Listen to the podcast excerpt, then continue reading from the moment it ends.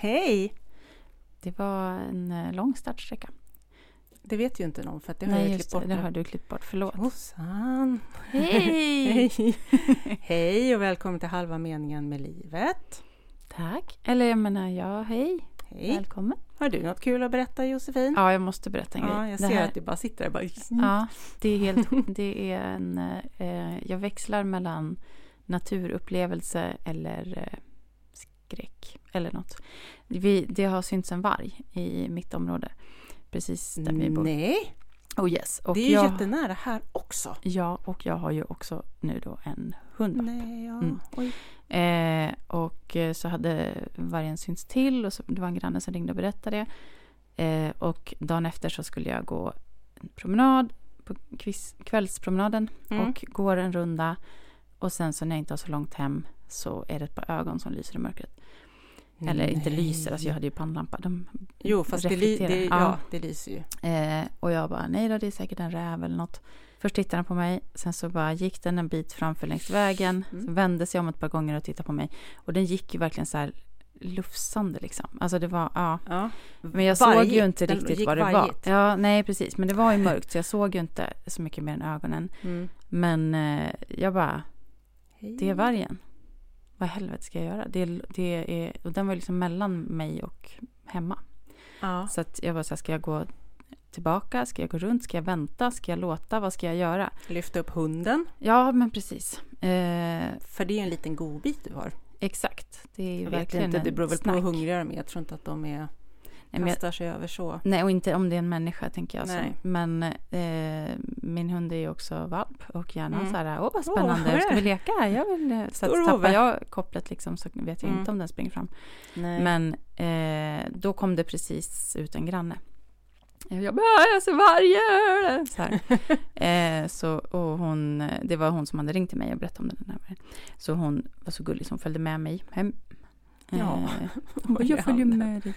Det var jättesnällt. Ja, men då kan den ju röra sig, de är ju så stora Ja. revir och flytta på sig. Vi har ju haft varg Mm, eh, liksom i Ja, men precis, det området, fin- fast det ja. är jättestort då. Men exakt, men, och då har jag aldrig varit rädd liksom. Men eh, nu blev det plötsligt väldigt nära. mm. Eh, jag såg också dagen innan hade jag sett spår i skogen på vår Mm. vanliga runda. Så här, så att det är lite för nära. Jag tycker Ja. att det är läskigt. Men sen har inte jag sett eller hört något mer.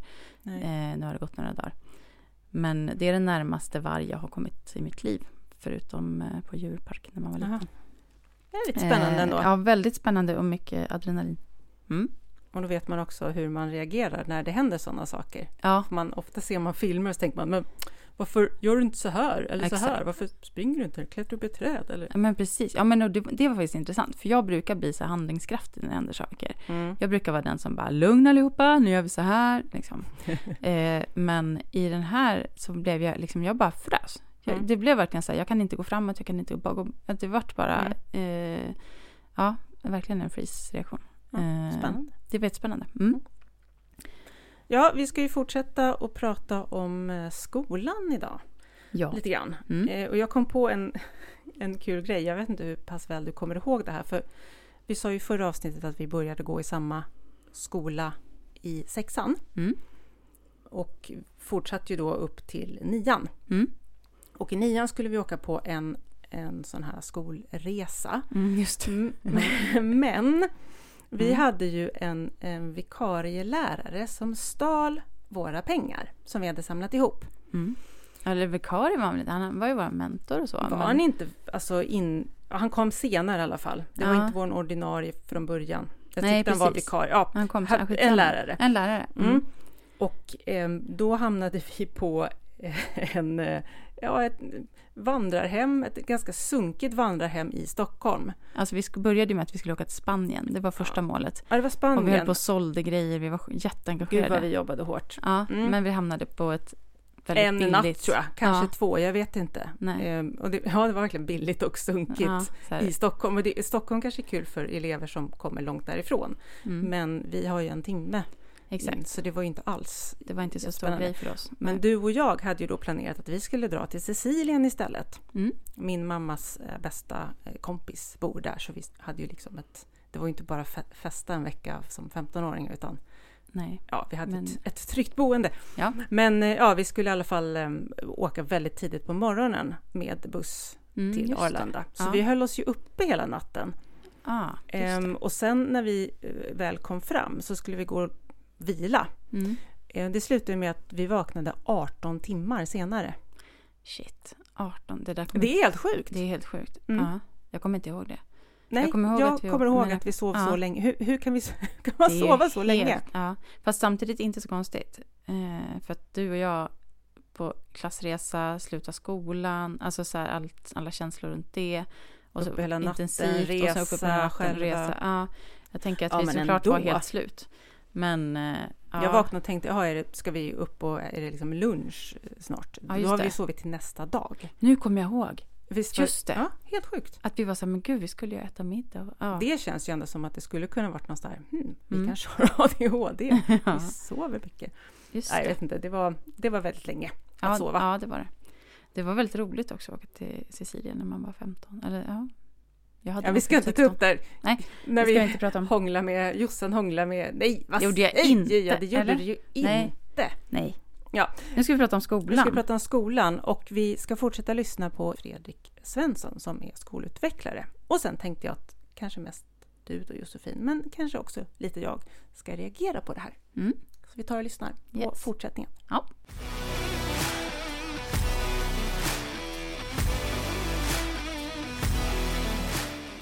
När det gäller ADHD generella drag. Mm. Som handlar om eh, att man har svårt att fokusera om det inte är intressant. Mm. Eller att man eh, har eh, svårt att sitta still. Mm. Eller sådana saker. Mm. Så, så utifrån det perspektivet kan man ju verkligen anpassa undervisningen utifrån de bitarna. Ja, Men, men det som man sällan pratar om det är den här, som jag inledde med, den här molande känslan av Mm. att man inte är som alla andra. Och också att man kanske inte heller blir bekräftad och sedd utifrån hur man mår och hur man tänker. För det är Nej. klart att i, med det här kommer ju också eh, någon form av känsla av utanförskap. ja, som leder till psykisk Som ohälsa hä- och ja, som det kan, kan leda vidare. leda till allt möjligt, såklart. Så kände jag i skolan att man skulle sitta där och lyssna och ta in och lära sig. Och så satt man kanske och eh, te- tecknade lite, gjorde lite gubbar. Fast då, det fick man inte göra, för då lyssnade man inte. Men Mm. det var ju så man lyssnade. Jag förstod ju aldrig att det hade med att det kunde ha med ADHD att göra, för det fanns ju inte riktigt då. Men, men mitt sätt att lära, det var ju sen, för mig blev det ju tvärtom. Eh, på gymnasiet så gick det jättebra, för då studerade jag teater och det tyckte jag var Mm. kul. Och då var det liksom inte att man skulle sitta och lyssna och lära sig, utan man fick testa. Exakt. Och det var ju, det var ju ett sätt som Så, funkade. så, det- så det här är ju, det är ju också en...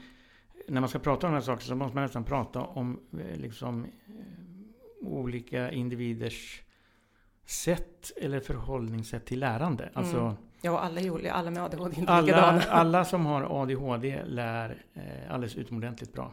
Mm. Om de ges de möjligheterna som Mm. passar den här funktionsvariationen. Alltså det är ju ganska korkat att tvinga en eh, hyperaktiv ADHD tjej eller kille eh, att sitta still timme ut och timme in. För att ja, i någon mening lära sig Mm. någonting. Utan man måste ju anpassa det här utifrån de individuella förutsättningarna och det är det som är uppdraget. Eh, Det är nästan, enligt mitt sätt att se på det, och det vi jobbar mycket med. Att ha det perspektivet. Därför att eh, då behöver man inte ha 14 olika variationer och så vidare för alla. Mm. Den där tanken att alla ska ha, göra samma sak, Ja. det, den eh, går inte jag igång på riktigt. Ja. Däremot så ska man ju ha en undervisning där man plockar inte plockar ut elever, men man, man, man erbjuder dem möjligheten, eller en del möjligheter till den där gruppen som Mm. funkar på det där viset och sen kan någon annan få göra på ett annat sätt. Som är Ja. anpassat efter just deras förutsättningar. Det får inte bli den här att, eh, vad kallar vi den i skolan, sär, särisar, Mm. eller du vet. När man Kliniken, obs-klassen och Ja, lilla gruppen och sånt. fina namn. Nej, men så att det faktiskt blir att det ändå blir en gemenskap i... Det, det här. det, men det där handlar ju mycket om att, att skolan kommer från en miljö där alla satt på rader och Mm. lyssnade och gjorde. Och sen så eh, är det en del eh, unga människor som inte klarar det. Mm. Utan eh, far omkring och är lite oroliga och allt möjligt. Då vill man ju gärna flytta ut den från klassrummet. Mm. Alltså, så resonerade man ju. Mm. Därför att då skulle det vara så mycket bättre för de som är kvar. Jag menar, rent logiskt, ja. Men Mm. att flytta ut någon från ett socialt sammanhang eh, tillsammans med andra som också då är eh, outcasts, eller vad man säger. Det, det gör ju också att man befäster och skapar identiteten Mm. eh, hos de här. Att de är sådana. Men eh, eh, vad var sa jag för någonting? Jag vet inte, jag har också. ADHD så jag slutade lite... Nej jag skojar. menar, arbetsminnet, ar, arbetsminnet är defekt. Så kan det bli så ibland. Men, men, men just inkludering. Eh, eh, det är såklart allra bäst för den sociala utvecklingen om man Mm. får vara med sin grupp. Mm. Eller sin klass då om man nu Mm. säger så. Mm. Och den kan ju se olika ut kanske. Det behöver ju inte vara eh, 25 elever i tre år. Utan den kan, kan ju vara variera lite utifrån vad man jobbar med. Mm. Så kan man byta, så man lär Mm. sig. Och det är en viktig del i skolans uppdrag också. Den här sociala träningen. Att kunna ja, bete sig helt enkelt.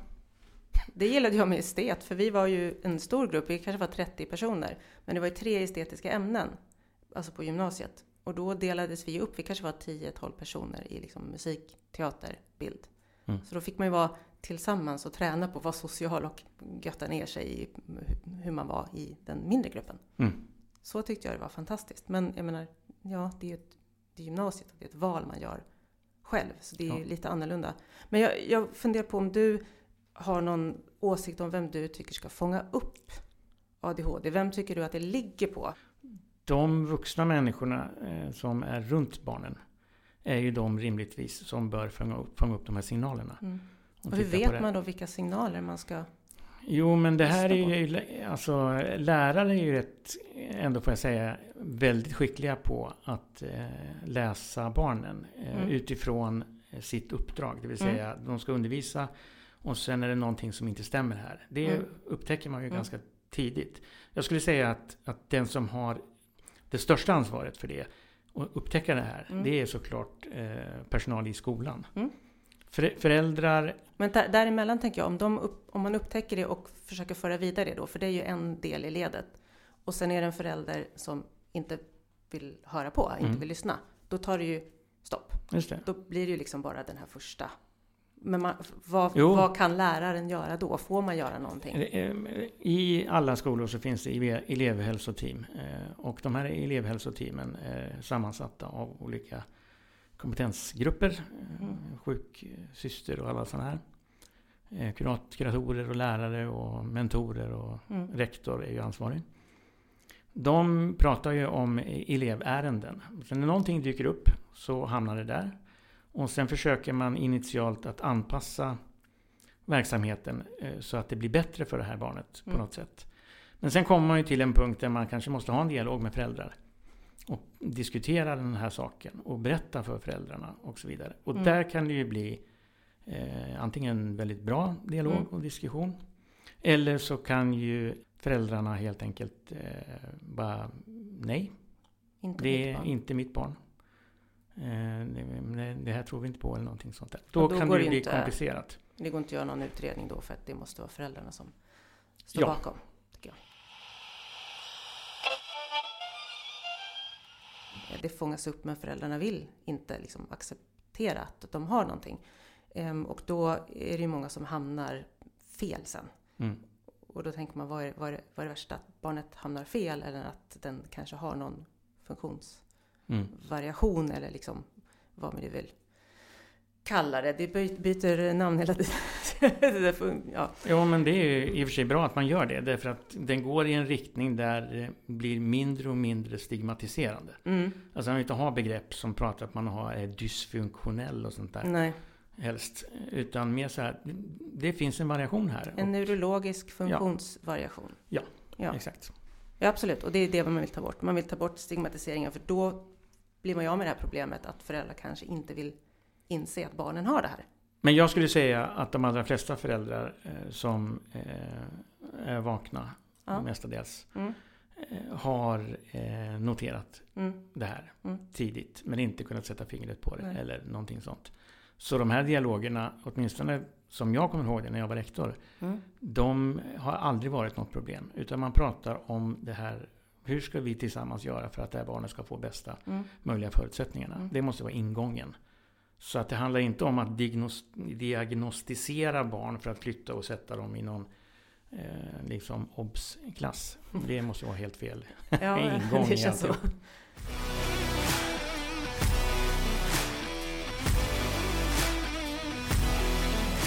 Jag är svin, jag vet att du vill reagera. Det finns massa saker att säga. Men jag tänkte först fråga dig vad du anser om det här med att fånga upp ADHD om man inte lyckas göra det i skolan. För det är inte helt lätt, till exempel om det är barn som vi som var så duktiga i Mm. skolan och hittade våra strategier och inte störde på lektionerna och så vidare. Mm. Vart liksom utanför skolan kan...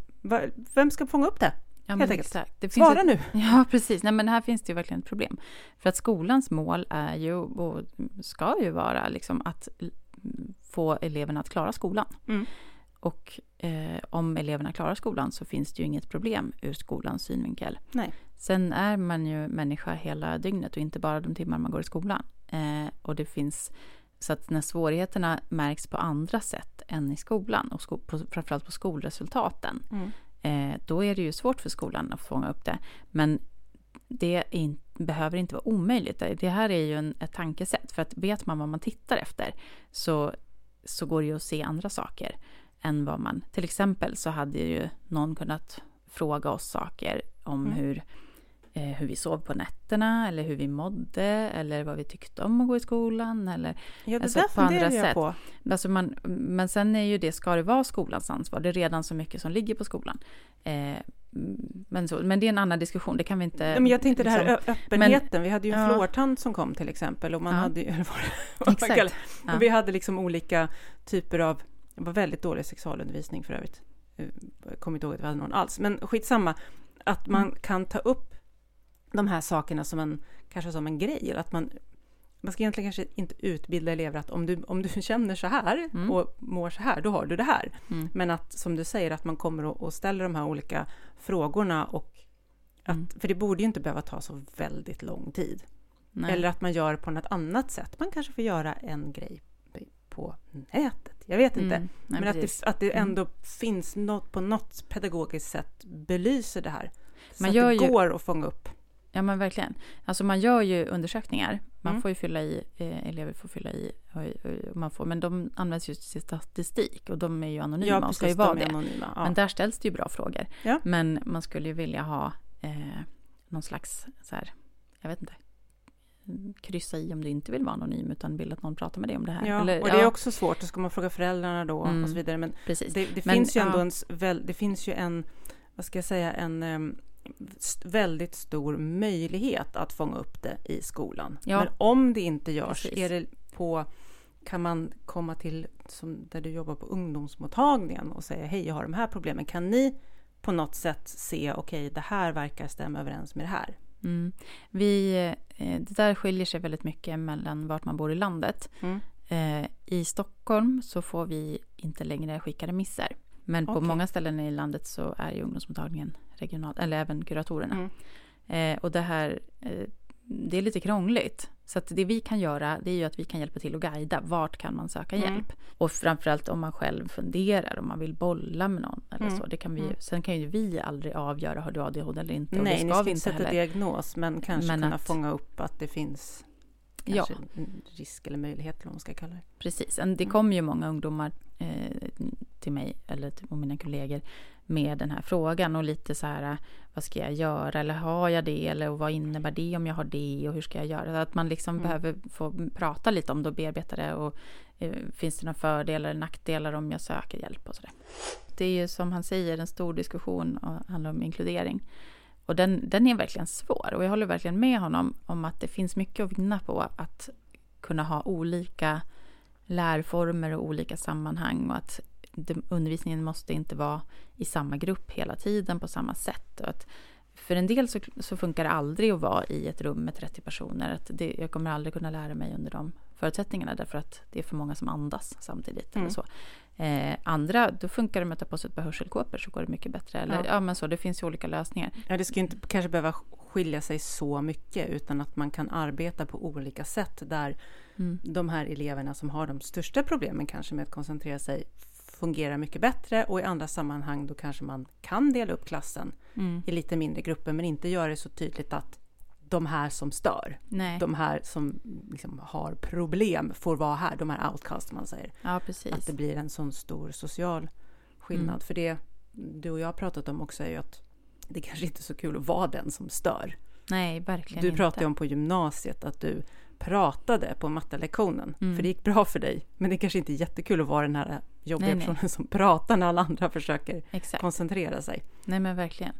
Men och det, och det är ju verkligen så att är man någon som inte klarar av att vara i ett klassrum eh, utan det blir mycket störande. Mm. Eh, då, då blir man ju verkligen utanför. Fast man är i den stora gruppen. Så Mm. är det ju, om folk retar, på sig, retar sig på en hela dagarna då blir det ju ingen gemenskap liksom. Nej. Utan det blir ju tvärtom tycker jag. Att då blir man ju ännu mer Ja, utanför. den man måste ju få jobbiga. rätt förutsättningar. Den där ungen som Eh. stör min, mitt barn Exakt, som ja försöker koncentrera sig. precis. Och det är väl där det kanske går att göra i vissa liksom, sammanhang att man kan göra mindre grupper eller att man kan ha kanske lyssna på musik, de som behöver koncentrera sig och inte höra någonting. Alltså, Mm. Alla behöver väl olika. Ja, Så individen passar så mycket som möjligt och kanske då inte bara till den som har ADHD utan till de som inte orkar med någon som har ADHD. ja exakt. Precis, ja men så är det ju också. Att eh, det kan ju vara så att åh, den här lektionen är så skön för då är den där personen i, i den lilla eller med en annan Mm. lärare eller sådär. Mm. Men, eh, och det, det måste också, Det måste finnas en öppenhet för eh, Ja. olika möjligheter så att det blir en anpassning till alla. ja men precis. Men det handlar ju om att hitta rätt förutsättningar för alla. Så att det inte behöver bli jobbigt. Men det är ju Och rätt Eh. lärare tror jag i många Ja. sammanhang. verkligen, för det här skiljer sig ju enormt mycket hur man ser på det och hur man tänker om det. Och, Mm. Eh, det är verkligen... Eh, och olika skolor och olika kommuner. Hur mycket man satsar eller hur mycket man tänker om det här. För att en del har ju inte... En del förstår ju inte vad inkludering handlar om. Utan, tyvärr. Utan kan ju verkligen... Eh, det kan ju passa in i ett sätt att spara. Liksom att man... Mm. Eh, nu ska alla vara i samma eh, klassrum hela tiden. Då sparar vi in på de här små grupperna. Men, eller de här sidofunktionerna. Men eh, medan andra helt fattar grejen med inkludering och inser att ja, man kan spara pengar genom att inkludera. Men det är, inte, det är inte det som är målet. Målet är ju att alla ska kunna lära sig och klara skolan. Och att alla ska eh, få en identitet som inte bygger på ens svårigheter.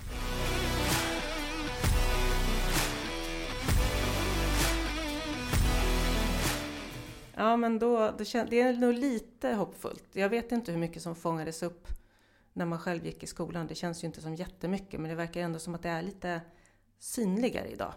Idag är det ju definitivt så. Mm. Eh, och sen så tror ju jag också att det syns mer idag. Mm. Därför att vår verklighet som vi lever i är betydligt mer komplicerad. Det är mycket mer som händer i ett, eh, i ett barns och en ungdoms eh, liv. Ja. Det är så mycket som pockar på uppmärksamhet. Mm. Eh, men, har du någonting att säga då om det här äh, som har blivit ett begrepp nu, att det är en trenddiagnos? Alltså, eh, jag vet inte det därför att eh, jag forskar inte inom det området eller någonting sånt. Eh, däremot så kan jag väl tycka att, att det man kallar för trend, det är väl snarare ett samhälles och vuxenvärldens ökade förmåga att Eh, identifiera de här eh, sakerna och vilja också att göra någonting åt det. Så jag skulle inte säga att det är en trend. Absolut inte. Och jag menar, sen finns det en diskussion som handlar om att ja, men varför blir, får barn ADHD i större utsträckning idag? Jag tror inte att de alls får det. Jag tror att det här alltid har funnits, men vi har inte betraktat det som, ett, som en funktionsvariation, utan snarare som stökiga eh, kriminella individer som, ja, och så vidare. Mm. Så det är nog det, mer skulle jag säga. den här mediebilden och den offentliga diskussionen om ADHD och så vidare. Eh, och, så man försöker få det till att ja men ADHD är ju det är ju jättebra, det är en, en superkraft. superkraft och det är ju så fantastiskt och, och så vidare. Och ja, det är det. Eh, jag menar, jag, som, om jag tar mig själv som exempel så är det ju så. Det är ju jättebra om jag är jätteintresserad. Mm. Men det man pratar väldigt sällan om är ju den här baksidan på myntet. Det vill säga mm. den här molande, malande mm. känslan i magen. Att känslan av att inte vara som alla andra. För de som inte har strategier. Ja, hittar man inte strategierna så kan det ju bli eh, katastrof. Mm. Verkligen. Mm. Då hamnar man i fel sällskap och mm. ägnar sig åt destruktiva saker och bara för att kompensera mm. upp den här känslan. Mm. Så att jag blir lite så här sned när folk bara pratar om det hela tiden och inte pratar om det jobbiga i det hela. Ja, det har vi nog pratat en del om i podden också. Att vi säger nej, jag ja, känner inte som att jag har någon superkraft. Men vi försöker också se det positiva, att men, all den här kreativiteten, om man faktiskt mm. lyckas göra någonting med den och liksom det här drivet så är det ju fantastiskt. Men som sagt, det finns ju väldigt mycket mm. nackdelar också. Så att, och det är ju det man vill naturligtvis fånga upp.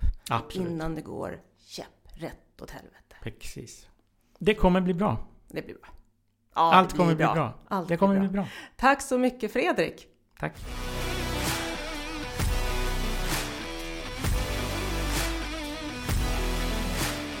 Hör du Josefin, allt kommer att bli bra. Jag känner mig så trygg när Fredrik säger det. Vad skönt. Det kommer att bli bra.